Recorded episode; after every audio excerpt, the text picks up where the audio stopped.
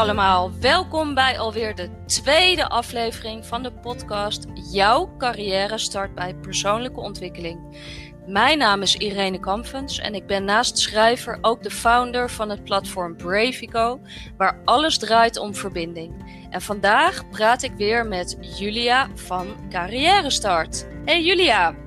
Hi, uh, ja, klopt. Uh, nou, dit is uh, mijn laatste dag bij Carrière Start. En de laatste keer dat ik een podcast met jou ga opnemen. Ik ga ah. namelijk in september een Finance Master doen aan de UvA, waar ik alle focus op wil leggen. Um, maar daarom is het wel leuk dat op mijn laatste dag ik nog met jou een podcast kan opnemen.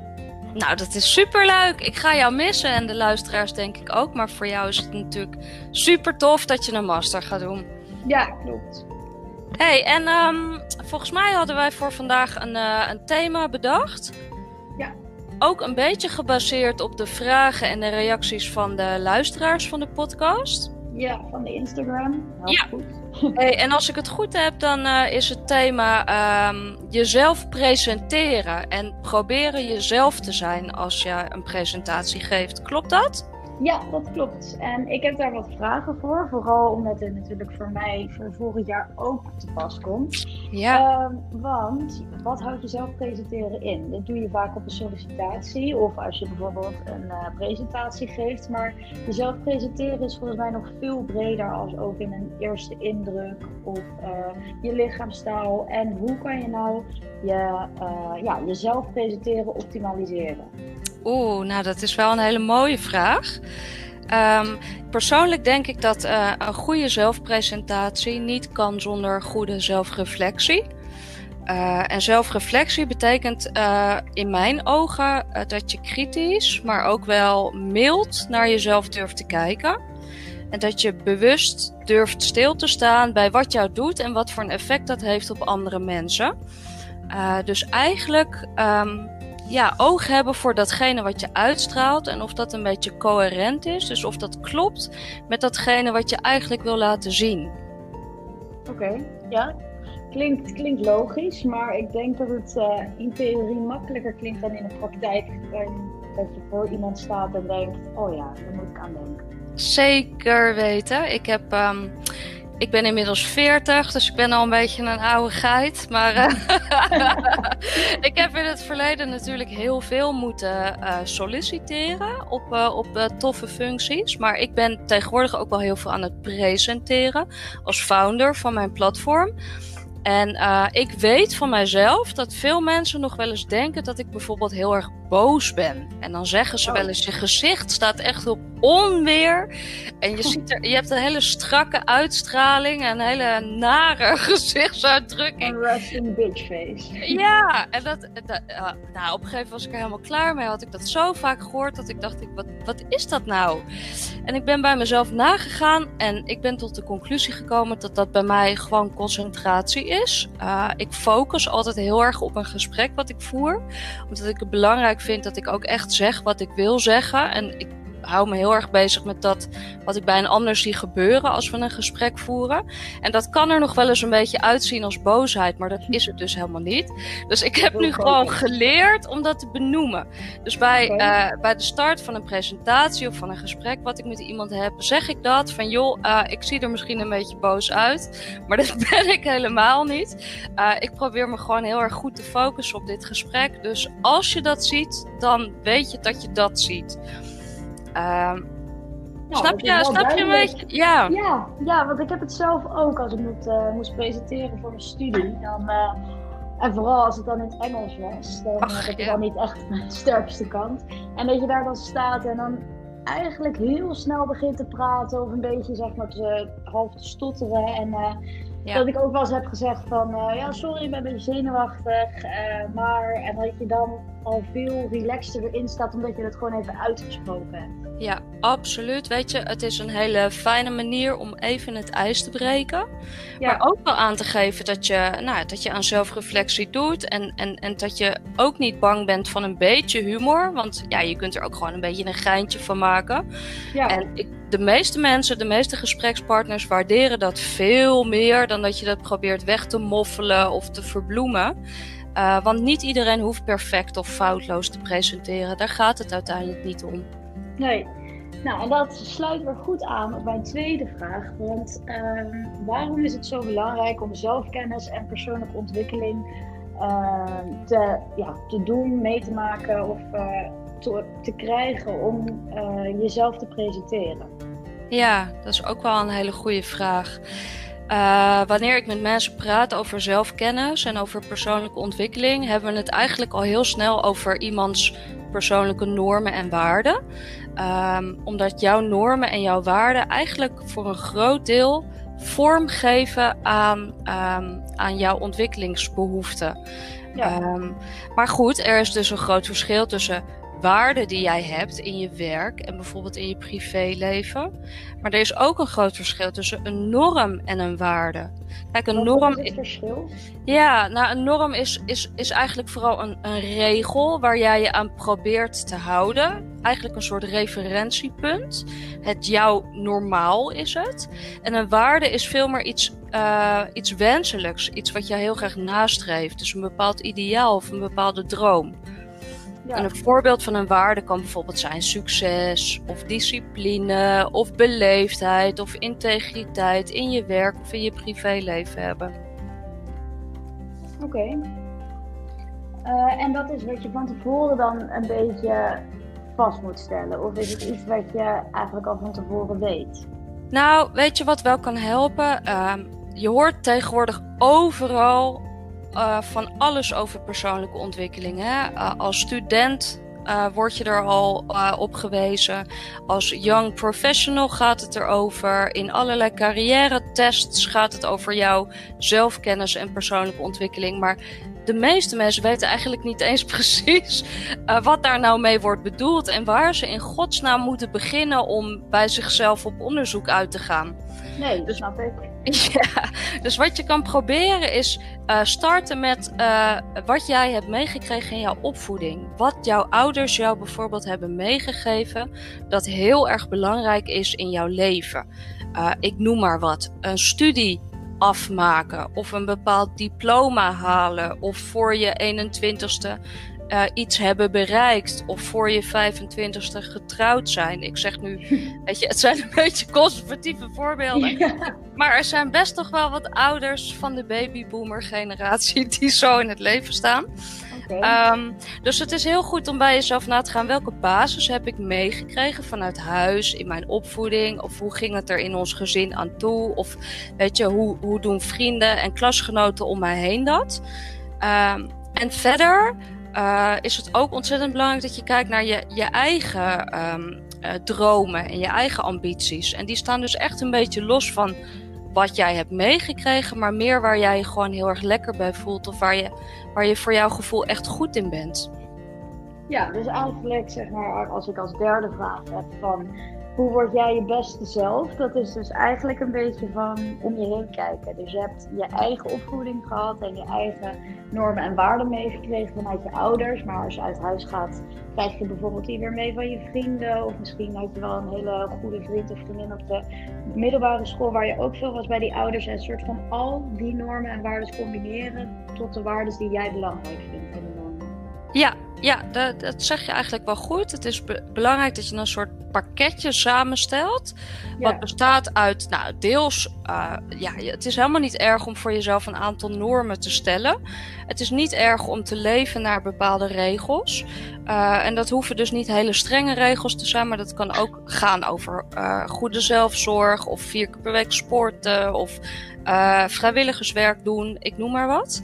Ja. Um, maar het gaat heel erg om het fine-tunen. Dus um, ja, weet je, echt, echt helemaal jezelf zijn, dat is eigenlijk nooit iemand. En dat kan ook bijna niet. Want je speelt altijd op je werk, maar ook wel in je privéleven een bepaalde rol. En dat is helemaal niet zo erg. Uh, maar laat het dan vooral een rol zijn die een beetje bij jou past. En als jij heel erg het gevoel hebt dat je veel dingen moet doen, waarbij je ontzettend op je tenen moet lopen, omdat je er helemaal niet zo goed in bent, ja. ja. dan moet je eigenlijk proberen om een beetje van die rol af te komen en andere dingen te gaan doen. Dus ik noem maar wat, als jij echt helemaal geen organisatietalent bent. Ja, uh, maar je, ja, ja, maar stel, ja, je wordt continu door je vrienden gevraagd om feestjes en, uh, en, en toffe partijtjes te organiseren. En dus de stress schiet al meteen omhoog uh, als je weer een appje krijgt. Uh, ja, dan zou je er op zich niet verkeerd aan doen om dat gewoon eens aan te geven. Van joh, ik vind het eigenlijk allemaal niet zo leuk. Of ik ben er niet zo goed in. Of ik wil best wel iets doen, maar laat mij dan iets anders doen dan het regelen. Want dat, ja, daar, daar word je gewoon niet blij van. Dus meer een onderscheid maken in zo'n, bijvoorbeeld nu met evenementen organiseren. Dat je dus gaat, gaat kijken van wat vind ik leuk. En dat je denkt van oké, ik vind het leuk om bijvoorbeeld de inkopen te doen, maar niet het organiseren en de verantwoordelijkheid zelf. En dat je dus meer specifiek naar bepaalde taken gaat kijken waar ja. je goed ja. in bent. Ja, weet je, en dat is een hele mooie les die je later in je werk ook zult leren. Uh, de meeste functies die, die beoefen je in een team of op een afdeling. En iedereen heeft daar zijn eigen taakpakket. En dat taakpakket maakt niet, weet je, dat is niet altijd afhankelijk van welke functietitel jij hebt. Uh, maar dat kan ook een takenpakket zijn wat juist heel erg aansluit bij hoe jij als mens bent. Dus als jij het wel heel tof vindt dat er elke maand een leuke weekendborrel is op je werk, maar je vindt het verschrikkelijk om te plannen. Nou, bied dan inderdaad aan om uh, bij de lokale supermarkt naar binnen te lopen en te kijken of je een of andere sponsordeal kan regelen voor gratis drankjes. Ik noem maar wat. Uh, dus zo vind je eigenlijk een beetje de dingen waar je gelukkig van wordt en waar je gewoon goed in bent te combineren met, uh, ja, met het werk wat je doet of het leven wat je leidt. Maar eigenlijk is dat dus ook vooral ervaring opdoen en dingen doen. Dat je Zeker. dan weet wat je, wat je leuk vindt. Omdat je kan van tevoren wel gaan bedenken. Maar als je het pas doet, weet je eigenlijk wat voor soorten taken er zijn. En uh, de meer specifiekere uh, ja, taken. Ja, nou je zegt het eigenlijk helemaal goed. Weet je, het leven is vallen en opstaan. Soms ga je echt gruwelijk op je bek. Uh, maar het gaat erom wat je daar dan mee doet. Kijk, en je kunt je ervoor schamen en je kunt proberen het er nooit meer over te hebben dat iets niet is gelukt. Maar pas als jij het durft te benoemen en, en weet te onderbouwen waarom het niet is gelukt, omdat jij jezelf snapt, pas dan kom je echt heel krachtig over. Dus als jij bijvoorbeeld in een sollicitatiegesprek zit of een presentatie geeft en je geeft een voorbeeld van iets wat onwijs goed gelukt is, maar ook iets wat minder goed is gegaan. En je durft daarbij uit te leggen waar dat mee te maken heeft, met jouw karakter of met, met jouw kennis of met je ervaring, dan, ja, dan kom je ongelooflijk krachtig over. En de meeste werkgevers hebben daar veel meer enthousiasme bij dan iemand die zegt overal heel erg goed in te zijn. Maar dat kan ook als niet. Dat nee. Nee. En toch zal het je misschien verbazen hoeveel mensen proberen perfect over te komen. Ja, ja dat is ook wel logisch.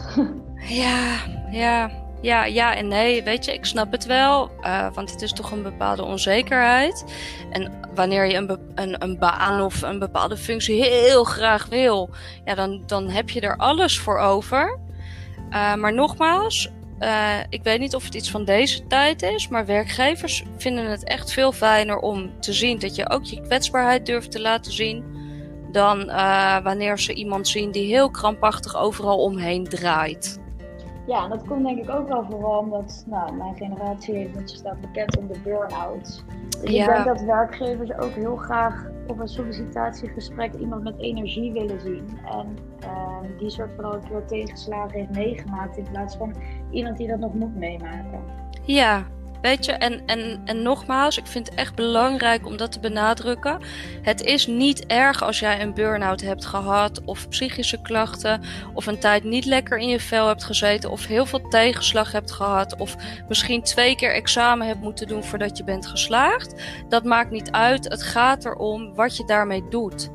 En als jij kunt laten zien dat je daarvan hebt geleerd, wat het ook is, hè, hoe klein dat ook is ja, dan weet je, dan ben je gewoon een, dan ben je wel echt een perfecte kandidaat voor iemand. Omdat je laat gewoon zien hoe jong je ook bent, dat je echt naar jezelf durft te kijken. En dat is, ja, dan, dan zien de mensen ook jouw ware ik. Ja.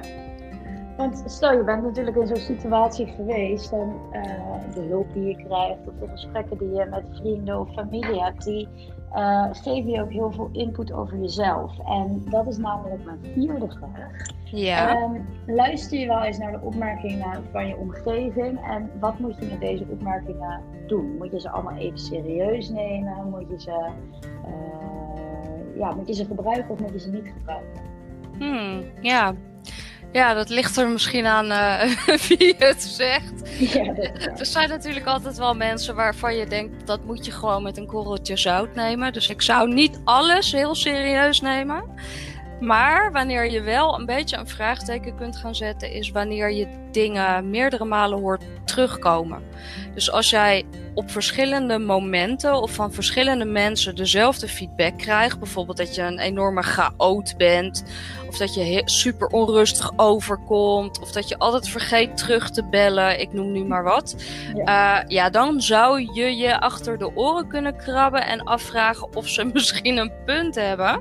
Ja. En daar, daar, daar zou je wel wat mee kunnen doen. Uh, je, je zou bijvoorbeeld bij die mensen na kunnen vragen: wat doet dat met jou als ik nooit terugbel? Of als ik onze afspraak steeds vergeet? Of uh, als ik zo chaotisch ben? Wat voor een effect heeft dat op jou? En als je dat te heftig vindt of te diep vindt gaan, dan kun je het ook gewoon noteren voor jezelf.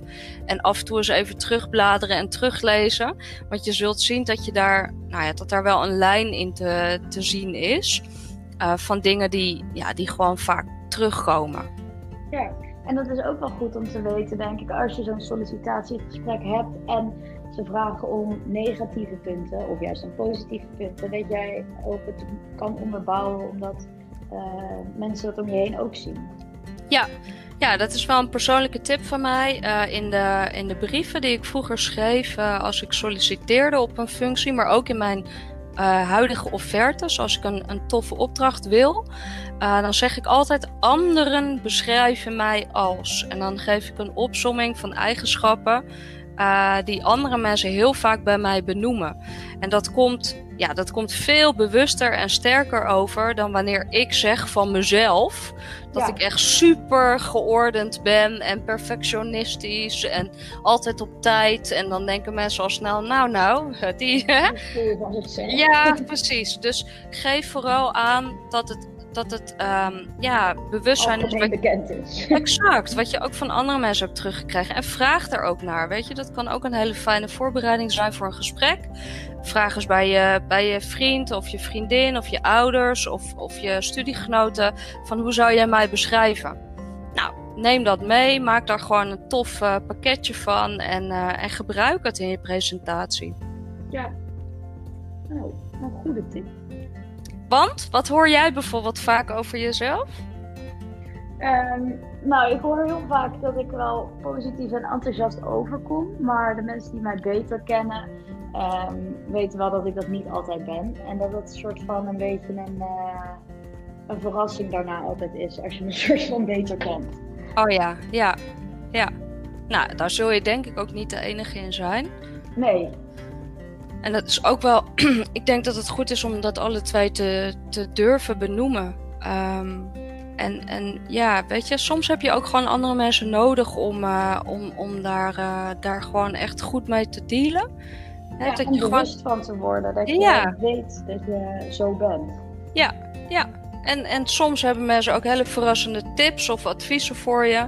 Uh, waar je zelf niet op bent gekomen, omdat zij het zelf ook hebben meegemaakt, of omdat ze ook zo in elkaar zitten, of omdat ze bepaalde ervaring hebben. Dus het, het delen ervan, ja, dat doet vaak meer goed dan het wegstoppen. Want heb jij ook uh, punten dat je denkt van, oh, dit had ik van mijn omgeving geleerd? nou, ik weet nu inmiddels van mezelf dat ik echt totaal geen organisatietalent heb. Dat gaat helemaal mis bij mij in mijn hoofd. Want ik lijk echt super geordend en punctueel en netjes en zo. En dat ben ik allemaal wel. Maar het geeft mij zo ongelooflijk veel stress om iets heel groots tot iets heel erg procesmatigs en geplans te maken. Ik krijg dat gewoon niet voor elkaar. Ik lig, daar, ik lig daar wakker van en ik kan gewoon geen tien dingen tegelijk. Dus wat, ik, wat ik ervan heb geleerd is dat ik uh, geen goede manager ben, bijvoorbeeld. Ik ben veel, veel meer uh, uh, van de inhoud, dus een functie als, als onderzoeker of als beleidsmedewerker of als schrijver. Dat past veel meer bij mij dan manager zijn of organisator of planner of nou, noem maar op. Oh ja. Nou, het is wel fijn om erachter te komen. Ja, en uh, het deed wel een beetje pijn, moet ik eerlijk zeggen hoor. Want heb, heel lang heb ik wel echt een hele goede manager willen zijn. En voelde het echt een beetje als falen als dat, als dat niet lukte. Dus ja, ja je moet ook wel een beetje eerlijk naar jezelf durven zijn. Ja. Oké, nou, dat is denk ik wel een, uh, een goede aflossing voor uh, het gesprek. Ja, ja, weet je wat ik me ook bijvoorbeeld nog wel afvraag? Ik had zelf vroeger heel vaak moeite met um, al in het gesprek of tijdens een presentatie uh, best wel heftige feedback te krijgen. Dat, uh, ja, daar, daar schrok ik soms wel een beetje van. En ik had dan altijd het gevoel, moet ik hier nou heel snel of heel adrem op reageren? Ja. En dat is ook wel iets wat ik een beetje heb geleerd. Uh, dat, ja, dat je dat dat je dat echt even letterlijk de tijd moet geven om op je in te laten werken. En dat meteen reageren ook niet altijd hoeft. Je kunt bijvoorbeeld letterlijk zeggen, nou ik moet hier echt even over nadenken. Of ik weet niet zeker of ik, ja, of ik me hierin kan herkennen. Of hè, je telt in gedachten even tot tien. Of je, je, je, pakt iets beet. Dat helpt mij ook nog wel eens. Dat ik een pen pak of zo. Of even aan mijn ring, mijn ring ga draaien. Oh, of dat ik dan heel even in mijn lijf kom. Ja, het klinkt allemaal heel zweverig. Maar het, het werkt wel. Want dan, ja, dan ben je er gewoon weer even bij. Ja. Um, dus, dus bouw een heel klein beetje ruimte in. Uh, tussen de feedback die je krijgt en het antwoord wat je erop geeft. Dat helpt ook. Oké. Dat was het. Dat is wel, uh, dat is wel ja, duidelijk, vooral als je inderdaad bij een presentatie of een sollicitatiegesprek uh, bent, waar je meteen zo'n heftige feedback krijgt. Ja, ja. ja, ik denk dat de belangrijkste tips zijn: um, bereid het goed voor. Door dus echt om, uh, om feedback te vragen bij mensen in jouw omgeving. Durf, durf daarom te vragen. Wees niet bang. Uh, en vervolgens uh, maak, ja, maak voor jezelf een soort pakketje van een aantal normen die voor jou belangrijk zijn. En een aantal waarden, dus een aantal ambities of dromen waar je naar, naar, naar wil werken, waar je naar streeft. Uh, en, en denk ook alvast na over hoe jij op bepaalde kritische vragen of feedback wil reageren, wat bij jou past. Want voor de een past het heel erg om bijvoorbeeld te letten op je ademhaling. En bij de ander is het inderdaad meer een beetje zelfspot of uh, ergens een geintje van maken. En dat mag en kan allemaal, maar wees je er wel bewust van dat wat jij doet, uh, dat dat ook echt bij je past. Ja, en ik denk ook um, door al langer bezig te zijn met uh, zelfkennis opdoen. En niet pas de week van tevoren voordat je dat sollicitatiegesprek hebt. Maar dat het echt een soort van proces is. Absoluut. Ja, en die zelfkennis, weet je, die kun je op zoveel manieren opdoen. Je hoeft er niet voor naar de psycholoog. Je kunt, ja, je kunt ook uh, hele mooie boeken lezen. Uh, dat hoeft niet eens zelf veel boeken te zijn, maar mooie managementboeken of uh, andere literatuur. ga er eens het gesprek over aan met vrienden. vraag eens aan je ouders hoe die dat doen. schrijf er eens over. Zet iets op papier. Luister eens een podcast. Ik bedoel, overal. Oh, ja, maar overal zijn handvatten te vinden waar je iets aan hebt. En ja, dat is voor iedereen anders. Maar er is echt heel erg veel. Ja. Nou, leuk. Nou, vond ik ook. Uh, ja, dit is dan mijn laatste podcast. Ah. Nou ja, ook met tweede, maar... ja, toch ga ik je wel mis hoor, Julia. Ja, wordt, uh, wordt jammer en een, uh, een ander soort jaar met meer studie en minder dingen doen. Ja, nou dat is denk ik ook wel een goede beslissing. Ja, nog één jaar. Goed, even knallen. Hey, en hebben wij nog uh, iets te vragen aan de luisteraars voordat we gaan afronden? Bijvoorbeeld, uh, uh, onderwerpen voor de volgende podcast? Of ehm, bepaalde opmerkingen? Of wat denk jij? Ja, graag. Ik, ehm, ik denk dat we hem allebei zo weer posten. Nou ja, niet zo meteen, maar van de week.